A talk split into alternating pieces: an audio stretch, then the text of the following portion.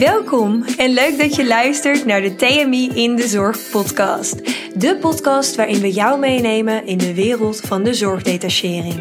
Je luistert in deze podcast naar verhalen en interviews over het ondernemerschap, werken binnen verschillende ziekenhuizen en andere zorginstellingen, buitenlandse werkervaringen en nog veel meer. Mijn naam is Lisa Bens, recruiter bij TMI en graag neem ik je mee in de wereld van de zorgdetachering. Als obstetrie-verpleegkundige beschik je over de kennis en ervaring op het gebied van zwangerschappen en de acute verloskunde. Een spannende en afwisselende baan waar Sandra Jonkers met haar 23 jaar ervaring als obstetrie-verpleegkundige je alles over kan vertellen. Wat komt ze tegen in haar dagelijkse werkzaamheden en wat zijn de nieuwe innovaties binnen dit vakgebied? We praten tijdens deze aflevering onder andere over verschillende voor- en nadelen van pijnmedicatie en de verschillen tussen de eerste lijns en tweede lijns verloskunde.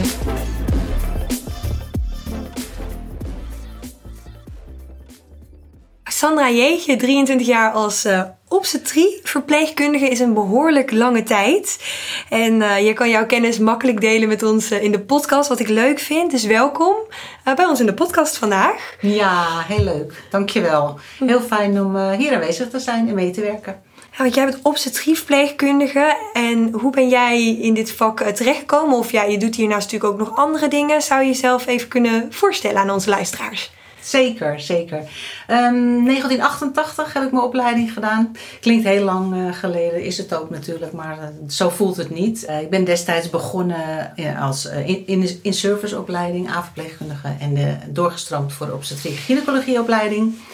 Anderhalf jaar was dat destijds. Leuke periode gehad en um, tijdje ertussenuit geweest. En weer sinds 1999 gestart in, uh, in de, de, klinische zorg als uh, obstetrieverpleegkundige.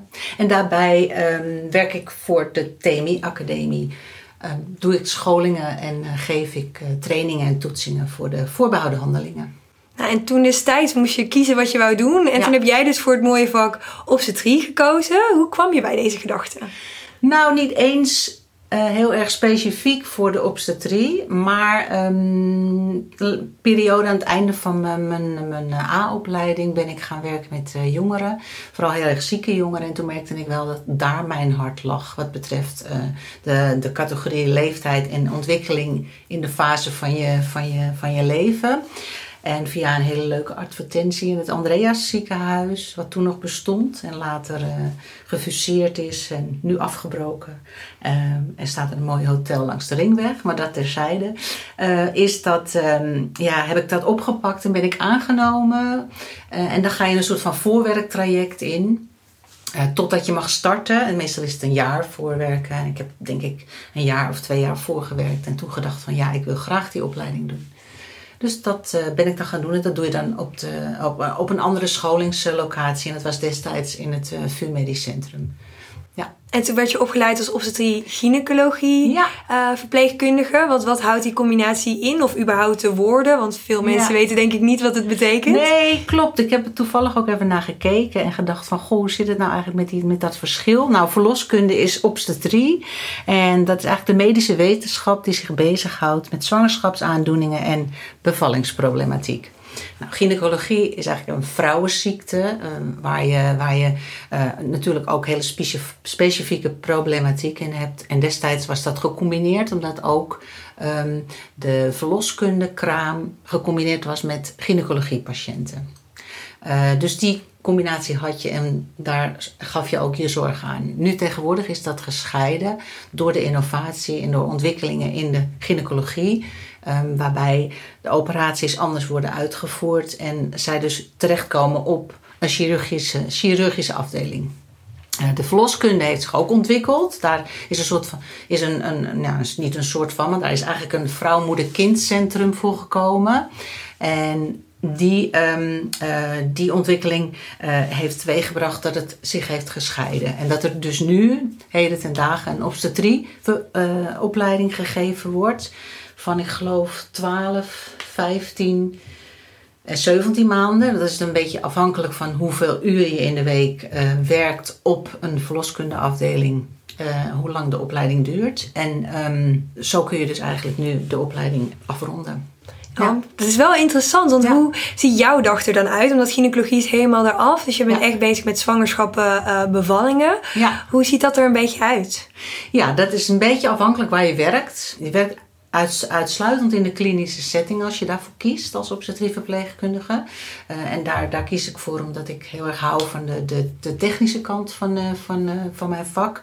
En ook de problematiek, want daar, ja, daar, daar haal je gewoon heel veel ontwikkeling in uit. Oh, en kun je iemand echt goed van dienst zijn en ook helpen in het verbeteren van, van de ontwikkeling van moeder en kind. de dag in de zorg ziet eruit dat je, dat is afhankelijk van waar je werkt. Je kunt eh, academisch werken, maar ook uh, topklinisch uh, ziekenhuis werken. En ook in een perifeer ziekenhuis. Dus het hangt er een beetje vanaf um, wat, er van, wat er die dag van je verwacht wordt. Maar voornamelijk start je op en um, werk je op de verloskamers of bij de zieke zwangeren. En daar maak je een, een, een, een, een afspraak over in het team. En zorg je voor nog de moeder met het ongeboren kind met uh, problematiek. Of tijdens de bevalling ben je bezig met uh, begeleiding en um, alle medicatie of uh, controles, vitale functies, afspraken in het team van waar je op dat moment mee werkt. En dat is een obstetrieverpleegkundige met een uh, verloskundige, met een artsassistent, met een, met een gynaecoloog, uh, met een kinderverpleegkundige of een neonatologieverpleegkundige eigenlijk in dit. Als daar allemaal behoefte aan is. En dat is een beetje afhankelijk van um, waar je, uh, hoe ziek iemand is en wie de zorg straks het beste nodig heeft heel erg teamwork dan wel. Omdat je zoveel verschillende disciplines zal sowieso in het ziekenhuis zijn. Want als je het op gaat knippen inderdaad in zwangerschappen en bevallingen. Eh, wat zijn dan de meeste dingen die je ziet? Je hebt dan zwangeren die komen natuurlijk voor de 20 weken echo. Eh, maar wat zijn nog andere dingen waar... waar ik ben natuurlijk nog nooit uh, zwanger... Of ja, natuurlijk is er niet natuurlijk. Maar nog nooit zwanger geweest. Dus waar kan, kan je dan aan denken? Ja, je moet het ten eerste ook een beetje uh, gescheiden zien. Hè. Je hebt die zwangerschapscontroles bij de verloskundige thuis bijvoorbeeld, in de eerste lijn noem je dat. Dat is een, uh, de praktijkgerichte zorg van verloskundigen die um, bij de niet zieke uh, bevallingsperiodes en, en, en, en, vrouwen hun controles uitvoeren. Um, als er een probleem zich voordoet, word je doorgestuurd naar een klinische setting. En dan kom je dus in het hele ziekenhuis gebeuren. En um, wordt er gekeken van, nou, dat heb je nodig. Een echo, een, een, een controle van uh, andere functies van moeder.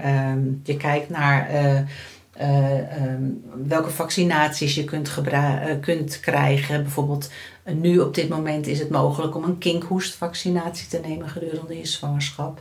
En dat betekent dat dan na de geboorte je kindje een vaccinatie minder hoeft te hebben. Nou, het zijn allemaal ontwikkelingen die je bespreekt en waarvan je kan zeggen van nou dat um, is. Uh, dat is het verschil. Het verschil, eerste lijn is thuis, dan ben je niet ziek. Tweede lijn kom je in het ziekenhuis, uh, word je begeleid en word je opgevangen en wordt er gekeken van um, heb je uh, zwangerschapsvergiftiging, heb je een, een, een, dia een, een, diabetesafwijking in de zwangerschap, heb je een kindje wat niet goed groeit, nou dat soort dingen dus allemaal. eigenlijk als alles goed gaat zie je jou in eerste instantie niet. Nee. Maar nee. als er inderdaad iets gebeurt of uh, je merkt dat er iets niet goed gaat, dan kom je bij jou.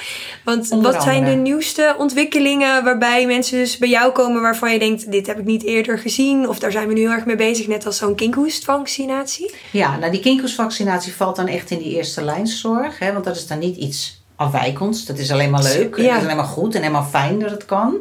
Uh, maar uh, is er een probleem van bijvoorbeeld iemand die, waarbij de bloeddruk omhoog uh, kruipt gedurende de zwangerschap en wordt die doorgestuurd, dan gaan ze naar de eerste, komen ze bij de verloskundige, bij de gynaecoloog. En dan komen ze vaak, als het doorslaat of als ze medicijnen nodig hebben, komen ze in, het, in, in het ziekenhuis en kun je daarvoor zorgen. Ja, en dat gebeurt natuurlijk ook tijdens de bevalling. Hè, dan kan er een situatie ontstaan waardoor, waarbij iemand heel erg ziek wordt. En dan, uh, ja, dan, dan moet je gewoon in het ziekenhuis blijven om te bevallen. Maar over het algemeen is het zo dat uh, als, als ik mijn dag begin, dat er dan een, een, een, team, een team is waarbij je de zorg kan verdelen. Hè. De verloskundige zorgt natuurlijk op haar beurt voor de, alle, alle, alle ins en outs en de coaching en de coördinatie. En doet de, vooral ook de bewaking van uh, de, iemand die aan het bevallen is. Uh, hoe ver is ze in de, in, de, in de bevallingsontsluiting? Kunnen we al iets mee gaan doen? En in die combinatie werk je met elkaar en ehm, ja, geef je eigenlijk de zorg die nodig is op dat moment. Voor een zieke, een zieke zwangere of een zieke barende, zeg maar. In de meeste gevallen die jij zelf uh, binnen ziet komen, is er een soort van bepaald ziektebeeld waar je zegt, nou dit komt eigenlijk dagelijks voor bij ons in het ziekenhuis?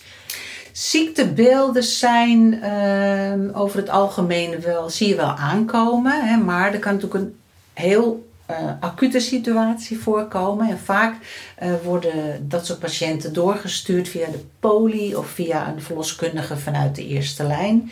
Met het probleem van hè, iemand uh, is plotseling, krijgt hevige hoofdpijn of buikpijn of bloedverlies of vruchtwaterverlies, terwijl het nog pas 27 weken zwangerschap is. En dan kom je natuurlijk in een acute setting waarbij je heel snel moet handelen. Want dan heb je het dus over een dreigende vroeggeboorte, een, een, een, een moeder die, die heel ziek wordt of die um, een zwangerschapsvergiftiging krijgt, een acute situatie waarbij het ongeboren kindje in gevaar is. En daar zijn allemaal, dat zijn weer de acute situaties. Gaan die mensen niet door naar de SCH of komen ze dan echt direct bij jullie? Vind ik een hele goede vraag. Die komen altijd direct bij ons. Ja, de SCH is uh, uh, voor, voor spoedeisende hulp, hè, spoed, spoedopvang, maar niet wat betreft de verloskunde.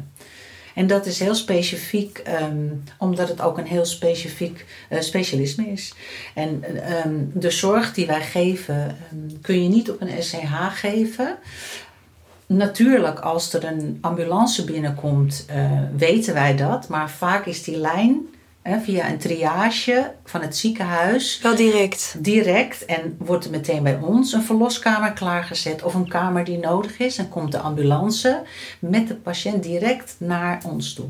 Dus je bent eigenlijk inderdaad een zwangere SCH die je ook nog uitvoert uh, bij jullie op de afdeling. Ja, eigenlijk wel. Ja. En dat is niet alleen voor de zwangere of uh, de barende, maar ook uh, na de bevalling. Je hebt natuurlijk ook problemen thuis die kunnen voorkomen. Mensen kiezen ook heel vaak om thuis te bevallen, nou, dan, dan gaat dat ook meestal goed. Want het is natuurlijk uiteindelijk een natuurlijk iets. Ja, precies. En vroeger had je ook niet al deze dingen. Nee, klopt. En het hoeft ook niet altijd zo te zijn. Maar voor degene waarbij er wel een afwijkende uh, situatie ontstaat, uh, sta je gewoon klaar. En, en dan um, heb je een situatie dat thuis bijvoorbeeld na de geboorte iemand heel erg gaat vloeien, bloeden, dat is een fluxus noem je dat. Dan, mm -hmm. dan heb je meer dan een liter bloedverlies. Um, en dan kan je een situatie krijgen waardoor, waardoor de verloskundige die thuis bij de bevalling is, die werken niet in het ziekenhuis, maar die werken thuis. Uh, dan belt en triageert en zegt van ik heb nu acuut een ambulance nodig. Dan komt de ambulancebroeders met, uh, met uh, hun toeters en bellen. En dan komt die patiënt direct bij ons. En dan vangen wij haar op en gaan we de medicijnen geven. En zo nodig alles doen wat nodig is om de boel, om, om de situatie te stabiliseren interessant, want ik denk dat heel veel mensen dat, uh, ja, vooral als je zwanger bent, word je daar misschien wel over geïnformeerd, maar dat je daar niet meteen over nadenkt dat eigenlijk bij obstetrie, dat je dat ook meteen uh, ja, erbij hebt. Nee, klopt. Ja, ik vind wel heel vaak, en dat is waarom ik het vak ook zo leuk vind, echt die spoed, spoedsetting, ja, dat, dat vind ik fantastisch. Ja, en dat vind ik ook het, het mooie. En meestal, het loopt ook meestal goed af, maar niet altijd. Want je komt natuurlijk ook met, met hele vervelende situaties te maken.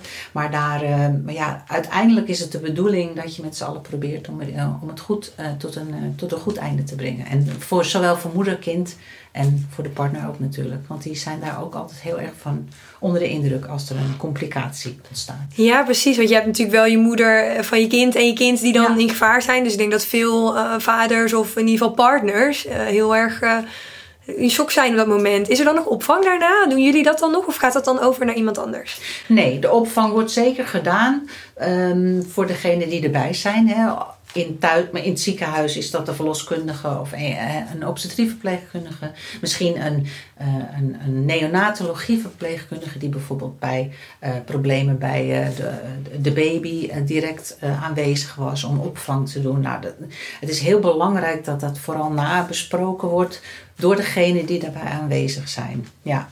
En dat, dat is uh, zeker voor, de, uh, voor, de, voor het verwerken van het, uh, van het proces daarna gewoon heel belangrijk.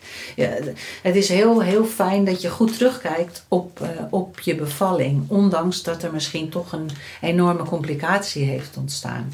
Maar als je dat begrijpt en waarom en um, daarna ook kan uitleggen waarom dat zo gedaan is, is dat wel van groot belang. Want er zijn gewoon situaties waarin je moet handelen. Uh, en um, waarbij je niet altijd um, uh, kunt aangeven van we, moeten, we gaan nu dit of dat of dat of zus of zo. Je moet soms een actie ondernemen waarbij dan later wel eens op teruggekeken wordt van ja, wat hebben jullie gedaan? Of hoe is dat gegaan? Of waarom? Dus dat nagesprek is heel belangrijk. Ja. ja en dat doet meestal de verloskundige hoor. Want uh, ondertussen gaan wij weer gewoon door. Ja. Met de volgende. Nou precies, want dan is het gewoon weer spoed en door. En nu weet ik dat jij ook in het buitenland bent geweest natuurlijk. Ja. Uh, en daar ook hebt gewerkt. Wat, wat zijn daar dan de verschillen? Daar is misschien de spoed ook net zo hoog, minder middelen. Wat merkte je daar? Ja, het verschil met buitenland is wel dat um, daar meer toch min, ja, dat het allemaal wat um, makkelijker en minder problemen geeft. En de problemen die er zijn, uh, heb je vaak heel goed in kaart. En daar, daar kun je op anticiperen. Daar kun je eigenlijk van tevoren al een beetje voor zorgen dat dat in goede, goede banen leidt. Dat doe je natuurlijk in Nederland ook. Maar um, je merkt wel dat als je in het buitenland gaat werken, en dan heb ik het over bijvoorbeeld uh, de Caribbean, Bonaire, ik ben op Aruba geweest, dat je dan wel ziet dat er het al, allemaal meer uh, fysiologischer gaat. En fysiologie is echt um, uh, de, het natuurlijke bevallen. En dat is, heel, dat is heel goed en dat vind ik ook voor mezelf heel fijn om daar af en toe ook even wat meer de nadruk op te kunnen leggen. Dat het eigenlijk ook, ook heel vaak heel goed gaat. En als je heel lang in een topklinische setting werkt of in een academische setting waar eigenlijk alleen maar problemen komen rondom uh, zwangeren en bevallen en de nazorg, dan vergeet je dat soms wel eens. Ja, je durft natuurlijk niet te zeggen hoeveel procent, maar misschien is het 20 tot 30 procent die inderdaad bij jou komt, maar is er 70 procent die inderdaad thuis bevalt waar je niks van weet en wat inderdaad gewoon natuurlijk bevalt. Ja, dat weet je niet te zeggen wat het percentage is. Um, je kunt ook wel Um, gewoon natuurlijk bevallen in het ziekenhuis. Hè? En dan uh, kom je met je eigen verloskundige en dan kom je um, een polyklinische bevalling doen. En dat is voor heel veel mensen toch een soort van zorg minder. Dat als er dan iets is, dat ze meteen op de goede plek zijn. Uh, dat is ook heel leuk dat is heel fijn. En dan um, beval je gewoon lekker in een uh, verlossuite of in een, uh, een, een, bevalcentrum waar het heel erg gezellig is en waar een, een bed staat en een stoel. En ja, waar je je kindje ter wereld brengt en dan um, weer naar huis gaat als alles goed is. En dat, dat geeft soms rust hè, voor heel veel mensen. Ja, dus dat, dat is eigenlijk de reden waarom ze dan in het ziekenhuis vallen. Gewoon om de rust dat als er iets gebeurt, dat je dan in ieder geval dichtbij hebt. Kiezen daarom de meeste mensen voor zo'n suite? Misschien, misschien wel. En ook misschien omdat ze dan thuis de troep niet willen hebben of zo. Oh, ja. ja, want dat terzijde is inderdaad ook nog wel uh, iets waar je rekening mee moet houden, denk ik. Ja, wie weet. Ja. En natuurlijk ook een hele grote populatie die thuis bevalt. En uh, dat kan gelukkig in Nederland. Want dat uh, gebeurt verder eigenlijk in heel veel Europese landen niet. Kan oh nee, dat wist ik niet. Want waarom niet? Ja, die zorg uh, is daar niet op uh, gebaseerd. En uh, um, er is geen eerste lijns verloskunde. Dat is echt specifiek wel echt iets voor Nederland. En dat is heel fijn dat het hier nog kan. Maar er zijn echt heel veel omringende landen waarbij je alleen maar in het ziekenhuis kan bevallen. Dus ook als het goed gaat, moet je ja. gewoon altijd naar het ziekenhuis. Want je hebt inderdaad niemand die thuis kan komen om, nee. om het allemaal te regelen voor je. Nee, nee, klopt. Het is best uniek hoor voor Nederlandse begrippen. Ja, je ziet wel ja. dat dan op dit moment ook weer dat de Nederlandse zorg gewoon wel echt goed in elkaar steekt. En dat het gewoon. Ja, vind ik wel. Want er is ook gewoon altijd overleggen met uh, uh, de eerste en de tweede lijn. Dus uh, het is goed op elkaar afgestemd. Ja. Wat voor pijnstilling is er wel? Wat is de keuze? Dat is heel persoonlijk. Persoonlijke keuze om, om um, uh, te kijken van wat past bij mij. Ik denk dat je daar vooral naar moet kijken. En, en, nogmaals, niet schromen voor het feit dat je pijnstilling zou willen. Want ook, ook als je van tevoren zegt, ik kan dit niet aan, nou, kies voor een pijnstilling en geef dat aan. Um, het is niet zo dat het allemaal zo makkelijk gaat. Het moet wel besproken worden. Maar er zijn verschillende soorten pijnstillingen in de vorm van een uh, morfinepompje. Um, waarbij je zelf kan doseren als je morfine nodig hebt. Uh, tijdens, uh, tijdens de ontsluitingsfase. Uh, je kunt een ruggenprik krijgen, epiduraal anesthesie heet dat. en daar kiezen ook heel veel mensen voor. dat dat is een beetje afhankelijk van wat de verloskundige op dat moment uh, met je bespreekt. Want die uh, doet een inwendig onderzoek en kijkt hoe ver bijvoorbeeld de ontsluiting is. En dan bespreekt ze met, uh, met degene wat de beste keuzemogelijkheid is. Daarbij is het natuurlijk altijd je eigen keuze wat je wil. Maar het wordt wel geadviseerd of je bijvoorbeeld een ruggenprik zou kunnen kiezen of een morfinepompje. En tegenwoordig heb je ook lachgas waarmee je kunt bevallen. En dat is natuurlijk wel best wel iets wat een beetje in de, in de volksmond nu al. Beetje een hype is. Ja, dus ik dacht laatst wel van. Ik, ik zat het aan iemand te vertellen en die zei van lachgas, lachgas. Nou, het is wel een beetje in Engeland bijvoorbeeld al heel erg bekend. En daar wordt het ook al heel veel toegepast, ook in uh, bevallingscentra's. Want je kunt met je verloskundige van thuis bijvoorbeeld ook lachgas uh, gebruiken. Uh, ik weet niet, er zijn verloskundigen die doen het thuis, maar uh, als je lachgas wil, um, is het meestal zo dat je wel in een klinische setting die omgeving uh, goed moet, goed moet handhaven. Want er is een hele apparatuur voor nodig. Ik wil zeggen, want dat is niet de, de lachgas die het norm kent op Koninginnedag nee. met een ballon en met een slagroomspuit. Ik denk niet dat dat zo werkt. Dat is dat, hoe werkt dat? Klopt, dat is een heel ander verhaal. Dat is een, een, een heel groot verschil. Het is natuurlijk een medicinaal lachgas en dat bestaat voor 50% uit zuurstof en 50% uit een, een, een medisch stofje. En daar, dat, dat kan in het ziekenhuis toegepast worden. Ja, en daar, uh, ja, dat, dat is natuurlijk allemaal gecertificeerd, uh, gecheckt. Um, als je daarmee gaat werken als obstetrieve verpleegkundige of als verloskundige of als kraamverzorgster, um, dan um, ben je daar ook voor gecertificeerd. Daar heb je een cursus voor gedaan. Want dat is wel even iets waar je toch extra aandacht aan moet geven. Maar dat geldt voor alle pijnbestrijding. Hè? Dat geldt ook voor een morfinepompje, wat via het infuus gaat. Hè? En, en dat geldt ook voor een ruggenprik. Dat zijn allemaal, daar leer je natuurlijk voor als obstetrieve verpleegkundige. En heb je ook andere dingen gezien? Dat je zegt, nou, een tensapparaatje... of dat mensen echt zelf iets meenemen waar ze heel erg in geloven? Ja, gebeurt ook wel. Ik denk dat het sowieso, als je het heel goed kan vinden met je partner en je daar een heel goed team mee vormt, dat het heel belangrijk is dat je iemand naast je hebt staan die je kan helpen gedurende die, eh, die uh, weeënfase in, uh, in, het, in het baren. En dan is het heel erg leuk ook als je bijvoorbeeld muziek, uh, kaarsen. Uh, nou, kaarsen mag dan niet in het ziekenhuis, maar uh, een, een goede, goede muziek of een goede vibe of een geurtje of een dingetje. Dan, ja, daar, daar, daar kan je zeker wat mee doen. Neem ze dan zelf boxen mee of hebben je die dan wel in het ziekenhuis?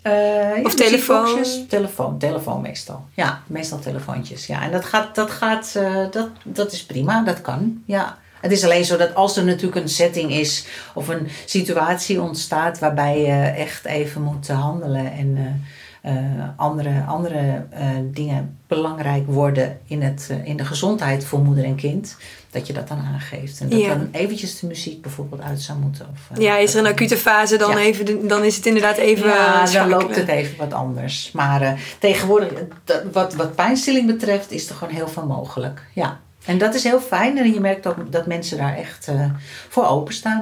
En het is natuurlijk zo als je thuis begint met, met weeën en je wil bevallen, dat je denkt van goh, dit, uh, dit vind ik niet meer leuk, dit kan ik niet meer aan. Um, dat, je dat, dat, dat het bespreekbaar is. Ja. En dan is het alleen wel zo, dat het klinkt nu allemaal heel erg leuk, maar tegenwoordig is het wel lastig om dan een plekje te vinden om te bevallen. Want dat is natuurlijk um, uh, nu best wel aan de orde dat het uh, heel erg druk is, zeker in deze COVID-tijd.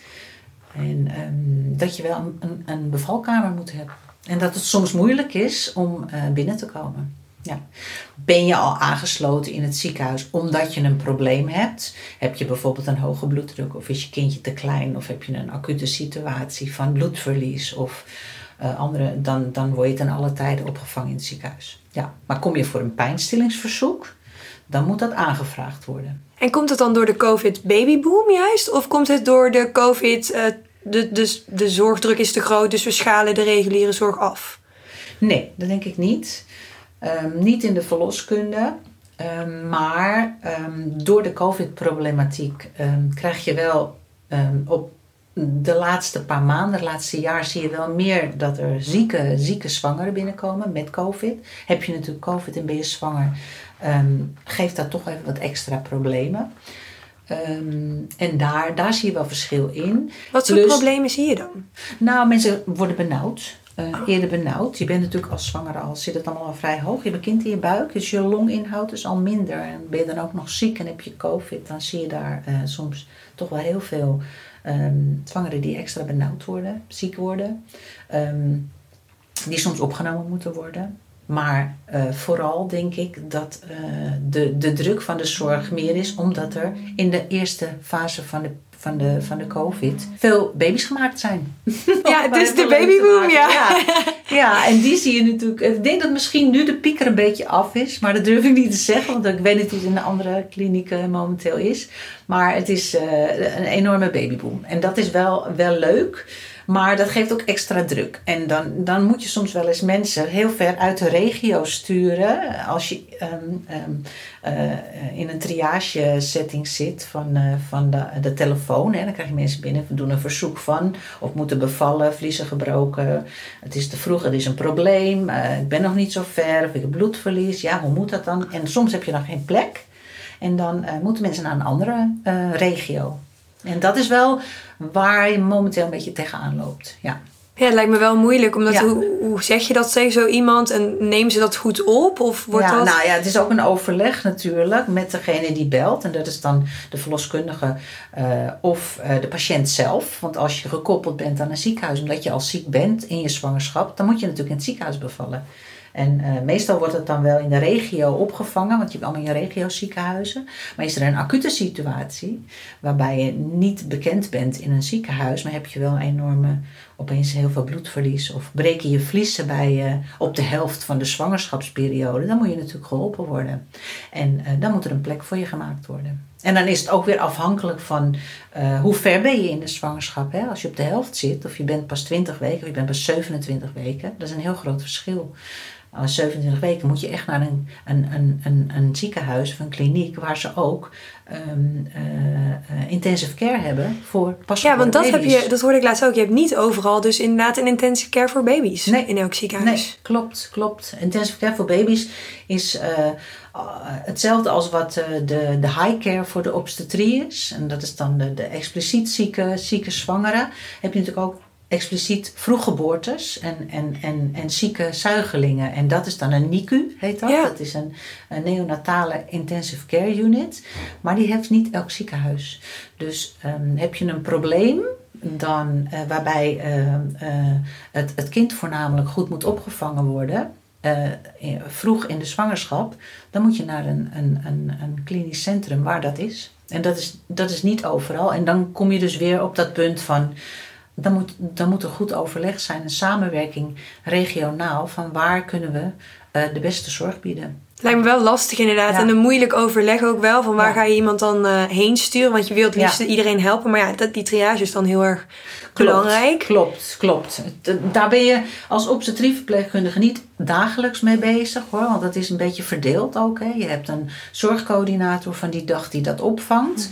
Um, maar uh, uh, je, je werkt daar wel allemaal aan mee. Ja. En, en de ene, ene dag doe jij die triage en, sta je, en de andere dag sta je uh, bij de bevallingen. Maar het is wel zo dat um, uh, het, hele, de hele zorg, um, het hele zorgstelsel van Nederland daar wel goed op, is, op ingespeeld is. Maar de NICU hè, is echt wel iets wat, uh, ja, wat, wat expliciet is natuurlijk. Net als de intensive care voor volwassenen bestaan er maar een beperkt aantal bedden voor neonaten, voor pasgeborenen. Ja. En als ik zou vragen naar jouw casus die jou het meest bij is gebleven, is dat dan bijvoorbeeld ook met een, een zwembadje erbij? Daar was ik ook nog benieuwd naar, want dat kan nu ook bevallen met een zwembad. Hoe, ja, klopt. Hoe ziet dat eruit? Ja, dat is heel leuk. Ja, ik snap waar je naartoe wil. Dat is toch wel ook wel de badbevalling. Hè? Dat is iets waar, uh, waar iedereen uh, zich heel erg prettig bij voelt en waar heel veel, heel veel vrouwen voor kiezen. Dat kan. Dat kan thuis, want je kunt een bad huren thuis. Maar dat kan ook in het ziekenhuis. Dan eh, zetten we een groot bad op in de verloskamer. En eh, soms huur je dat dan van, van het ziekenhuis. En ehm, anders neem je het zelf mee. Dat mag ook. Er zijn wel speciale baden natuurlijk. Hè. Eh, en dat, is, ja, dat is heel fijn. Dat ontspant, het verlicht. Het, je kunt je wel voorstellen als je, als je in het zwembad ligt of in de zee, dan ben je, voel je je ontspannen. licht, ontspannen. het is warm, je kunt het lekker warm maken. En daarbij denk ik van, nou, het, het, het, het, het, top van bevallen momenteel is wel dan in bad met lachgas en dan uh, een partner in zwembroek in, de, in, de, in het bad erbij of zo. Nou, dat is natuurlijk, uh, het klinkt heel raar, maar dat kan. Maar hoe vaak zie je dat nu, als, ik, als je naar je week kijkt, hoe vaak heb je dat deze week mogen meemaken? Of is, valt dat dan wel weer mee? Ja, dat valt wel mee. Dat valt wel mee. Uh, en nogmaals, ik ben, dan spreek je wel over een soort van uh, bevalling waarbij, je, uh, waarbij het niet een probleem is. Hè? Dus daar ben ik dan ook weer niet zo heel vaak bij, want dat is dan vaak de, de, de kraamzorg die of de verloskundige die dat op zich neemt. Of de verloskundige. Dus um, daar zie je mij niet zo heel veel, maar ik heb het wel meegemaakt. En um, uh, tegenwoordig mag je ook als er een heel klein, een kleine klein probleem is, van als bijvoorbeeld de baby in het uh, vruchtwater heeft gepoept, zeg maar, dan heb je een afwijkende kleur van het vruchtwater. En tegenwoordig mag je dan ook nog wel bevallen in het bad. En dan zijn we er ook wel bij. En dan maak je een hele leuke setting mee. Ja, klopt. En dan, dat kan gewoon heel fijn zijn. En, en, en iemand kan in het bad bevallen. En of op het laatst zeggen van ik wil toch in bed. Ja, en dat kan, dat, dat, dat, je kan niet met een ruggenprik of met een uh, morfinepompje. Want dan met een ruggenprik heb je natuurlijk geen controle meer over. Wat er beneden gebeurt. Ja. Juist, en, en kan je eigenlijk niet goed op je benen staan. Uh, met, met bepaalde ruggenprikken dan weer wel, maar dat is heel innovatief. En daar weet ik niet zo heel veel over, want daar heb ik niet, nog niet mee gewerkt. Maar dan zou je met een ruggenprik zelfs kunnen lopen tijdens Oh. de weeën. Ja, Ehm, dat bestaat ook. En ehm, met een morfinepompje is het gewoon, ben je gewoon een beetje, suffig. Dus dat kan niet. Dat is gevaarlijk. En welke casus is dan jou het meeste bijgebleven? Waarvan je denkt, dit was echt een casus waar ik zo mooi vond. Ja, mooi. Als je het over mooi hebt, is het inderdaad toch iets wat zonder complicaties verloopt. En dan, uh, ja, dan denk ik toch altijd nog wel terug aan die ene keer met die badbevalling. En uh, uh, waarbij de partner in zijn zwembroek tegenover, tegenover, tegenover haar zat. En dat ze met z'n tweetjes gewoon de geboorte van hun kind hebben ondergaan in het bad. Waarbij papa dan de baby aanpakt. Maar dat zijn unieke situaties die je bijna niet meemaakt. Nee, niet, niet als obstetrieverpleegkundige, want dan ben je gewoon eigenlijk veel te druk met allerlei dingen regelen als uh, medicatie klaarmaken, controles doen, zorgen dat de monitor goed staat en iedereen op de hoogte is. Dus dat kom je niet vaak tegen. Maar nee. daarvoor moet je dan weer naar de, het buitenland. Naar het buitenland, precies waar dat wel gebeurt. Ja, ja. En acute situatie waarvan je denkt, dit is wel zo heftig, dit is het heftigste misschien wat ik heb meegemaakt? Ja dat, ja, dat zijn dan toch wel de situaties waarbij het uh, niet goed afloopt. Ja, en dan, uh, dan, dan uh, vaak is het dan voor moeder, voor het hele gezin natuurlijk een enorme vervelende situatie. En um, niet goed afloopt bedoel ik um, dat er misschien even een probleem ontstaat bij, bij moeder maar of, of bij kind. En, en dat is wel eens lastig, um, omdat je de de, het, het, verder, het verder het verloop van de pasgeborene niet meer volgt als de obstetrieverpleegkundige. Um, zeker in een ziekenhuissetting gaat iemand door. Of je gaat naar de NICU met je kindje, of je gaat naar, uh, uh, naar huis zonder kindje. Je hebt niet meer het vervolg. Die nazorg, inderdaad. Nee, nee. Je bent dat... echt op de acute situatie en daarna is ja, het eigenlijk... Ja, ja, en je hoort daar dan niet zo heel veel van. Behalve als natuurlijk um, de, degene wat langer in het ziekenhuis blijft. En je probeert moeder en kind bij elkaar te houden. Dus dan kun je nog wel eens teruglopen en kijken van... Goh, hoe is het? Of uh, uh, doe je een nagesprek over de bevalling? Of ga je nog eens terug om een praatje te maken? Maar um, na, na, na een paar dagen is dat ook... Ja, ben je dat ook kwijt. En dat vind ik wel eens jammer, want uh, soms zijn er situaties waarbij je denkt van, oh, dit gaat helemaal niet goed. En dan later blijkt dat het allemaal helemaal... Dat Toch nog goed is, gekomen. goed is gekomen. En moeder helemaal gelukkig en uh, dat het allemaal goed afloopt. Ja, dat is natuurlijk het allermooiste wat er is. Ja, en dat blijft dan ook, uh, dat, blijft dan, dat is ook wat je bijblijft. Maar daar hoor je mm, als obstetrieverpleegkundige niet zo heel veel meer van. Je kunt het natuurlijk altijd even na, navragen of kijken bij degene die erover gaat. Om te kijken van, nou, weet je nog iets van dit of dat. Van die Ja. persoon. Maar je moet ook weer door. Dus dat is, hoort ook weer bij het vak. Ja. Ja. En zou je zo voor verpleegkundigen die bijvoorbeeld nu luisteren of andere luisteraars nog mooie tips mee kunnen geven waarom eh, ja, dit vak zo mooi is, waarom je er eventueel voor zou kunnen kiezen? Ja, ik denk vooral dat je, het moet je liggen. Het is natuurlijk een heel specialistisch vakgebied. Ehm, maar dat is met alles zo. Dat is ook met, met eh, eh, SCH-verpleegkundigen. Daar ben je echt alleen maar voor de spoed. En je hebt natuurlijk dialyseverpleegkundigen, je hebt oncologie.